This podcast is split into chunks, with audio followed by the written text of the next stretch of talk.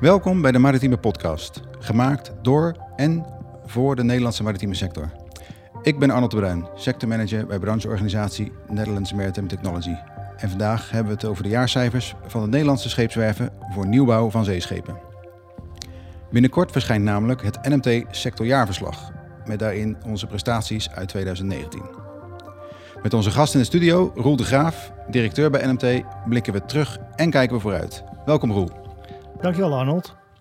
Ja Roel, je werkt al nou, zo'n 40 jaar in de maritieme sector, met ervaring bij zowel uh, werven als toeleveranciers. Heb je eigenlijk vaak contact met mensen uit de categorie zeescheepsnieuwbouw? Nou, nog net niet dagelijks, maar toch zeker een paar keer per week. Nou ja, dan uh, heb je al met al wel een uh, goede kijk op wat er speelt in de sector. Dus laten we samen kijken hoe we ervoor staan. De rest van het gesprek dat willen we graag in, in drie delen indelen. We willen beginnen te reflecteren op de jaarcijfers van 2019 uh, en dan bekijken wat voor trends en ontwikkelingen we daarin zien. En uiteraard blikken we ook even vooruit op de toekomst. Nou, wanneer we kijken naar de jaarcijfers van de categorie zeescheepsnieuwbouw, is het goed om even te weten dat dit gaat over alle zeegaande schepen vanaf 100 GT, maar niet over de superjachten en visserschepen. Die vallen in een andere categorie. En de zeescheepsnieuwbouw heeft in 2000, eind 2019 een waarde van het orderboek die iets lager is. is 5% gedaald tot 1,76 miljard. Uh, er zijn ook minder opleveringen geweest dit jaar. 43 ten opzichte van uh, 55 in 2018. En de order intake die is met 45% gedaald tot een niveau van 351 miljoen. Slechts 35 nieuwe schepen zijn in opdracht gekomen. In 2018 waren dat er 39.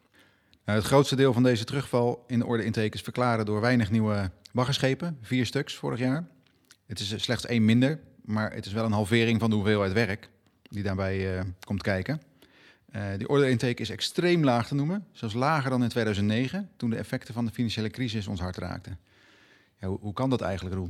Ja, een dramatische terugval uh, in de order intake. Daar ben ik helemaal met je eens. En de, de banken spelen hier een belangrijke rol, want ze verlenen steeds minder makkelijk kredieten en garanties aan rederijen voor nieuwbouwprojecten. De financiering komt daarom steeds vaker van niet-bankaire instellingen, zoals bijvoorbeeld het NESEC-fonds, dat dit jaar in januari gelanceerd is. Um, maar goed, het probleem uh, wordt steeds groter doordat eh, China en Zuid-Korea met staatssteun de prijzen kunstmatig laag houden en de orders voor de Europese markt wegkapen. Zoals zelfs de schepen die uitsluitend in Europese wateren varen. En dan heb je het waarschijnlijk over ferries. En vorig jaar hadden we nog twee ferries in het orderboek, maar dat lijken nu de laatste.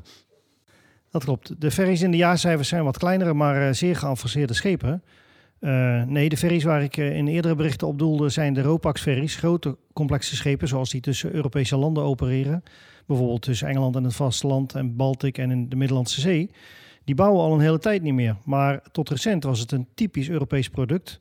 Intussen heeft China de laatste jaren alle orders opgekocht door onder kostprijs aan te bieden.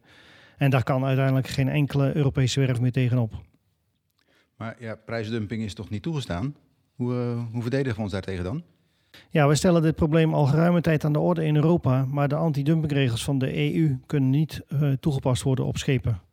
En wat hebben we wel? Nou, niets dus. Er is sprake van een legal gap waar onze industrie heel veel last van heeft. En zijn er dan ook nog uh, lichtpuntjes te benoemen? Ja, gelukkig wel. De afname van het aantal bestelde sleeboten is tot stilstand gekomen. Gelukkig. En de, de groei van nieuwe bestelde short sea schepen, die voornamelijk gebouwd worden in Noord-Nederland, zet langzaam door. 13 in 2019 eh, tegen 11 in 2018. Oké, okay, dat klinkt in ieder geval als goed nieuws voor Noord-Nederland. En speelt daar misschien de lancering van het NESEC-fonds nog een rol?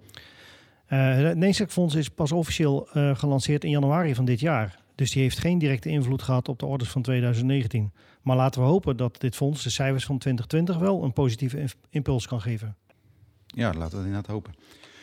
Kunnen we wel gebruiken. Als we kijken naar het orderboek verder, dan, uh, dan is de daling relatief klein in vergelijking met de orde intake. Ja, heb je daar misschien een verklaring voor?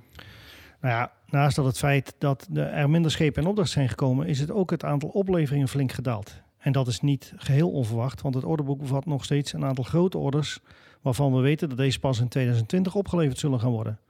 Tegelijkertijd is dat meteen ook onze zorg. Want dit jaar zal er een flinke groei aan nieuwe orders geboekt moeten worden om de sector overeind te houden en de kennis en de werkgelegenheid zeker te stellen. Ja, ja dat brengt ons dan op de, op de vooruitzichten. Uh, er moet nog wel wat gebeuren. Waar denk je dat de kansen liggen de komende jaren in de markt? Nou ja, als we iets willen bereiken, dan zullen we het slimmer moeten doen dan de rest. Want goedkoper zijn we niet. En het gaat moeilijk worden, zeker nu ook nog de investeringsbereidheid lijkt af te nemen door de impact van het coronavirus. Ja, ja, daar krijgen we er dan nog bij. Ehm, en wat, wat zouden we dan kunnen doen om de impact daarvan te beperken? Ja, onze kracht is innoveren. Dus we zullen vooral moeten blijven innoveren met duurzaamheid en digitalisering als de twee leidende thema's. We hebben nog steeds veel kwaliteit en kennis in huis om een grote bijdrage te leveren aan de verduurzaming van de vloot. Zodra die passen in het businessmodel van de rederijen, staan we er weer een beetje beter voor. Als we dan ook nog de kosten van de productie omlaag weten te brengen door slim gebruik te maken van digitalisering van informatie en automatisering in de productieketen, dan is er hoop. Uh, zie je nog een rol voor de overheid dan uh, om ons hierbij te helpen? Jazeker, de overheid uh, is gekomen met een uitgebreid steunpakket aan maatregelen. die passen helaas niet goed op onze sector. Onze sector is, zoals je weet, laat cyclisch en bestaat uit grote, langlopende orders. En we gaan de effecten daarom van de hele coronacrisis pas merken in 2020, 2021, misschien zelfs 22. Dus dat gaat even duren. En hebben wij dan suggesties voor de overheid? Wat, ja, wij hebben, wij hebben inderdaad voorstellen lopen dat ze, uh, dat ze hun uh, vervangingsprogramma van de Rijksrederij naar voren halen. En de defensieschepen die gebouwd moeten worden, op tijd worden uitgevoerd. Maar we zien het tegendeel zien we, zien we gebeuren, helaas. Wat zien we nou gebeuren? Nou ja, we merken een terughoudende, uh, terugtrekkende beweging als het gaat om het naar voren trekken van bijvoorbeeld uh, de, de vlootvervanging van de Rijksrederij. Het zou natuurlijk fantastisch zijn als de overheid als launching customer kon optreden, waardoor wij de groene technologieën die in onze sector ontwikkeld zijn kunnen toepassen in het kader van, van de verduurzaming van, uh, van de vloot en van Nederland en ook van Europa. Daar past het natuurlijk prima in thuis. Ja, dan kunnen we ook weer doen waar we goed in zijn. Daar kunnen we doen waar we goed in zijn, inderdaad. Ja. En zijn er dan verder nog zaken, uh, als je in de breed naar de maritieme sector kijkt, uh, die op ons af zien komen? Wat we zien is dat uh, de vraag naar scheepsruimte daalt, hard daalt op dit moment. En ik denk dat, dat we een enorme dip te verduren krijgen wereldwijd. dus daar gaan we als Nederland ook niet veel aan veranderen.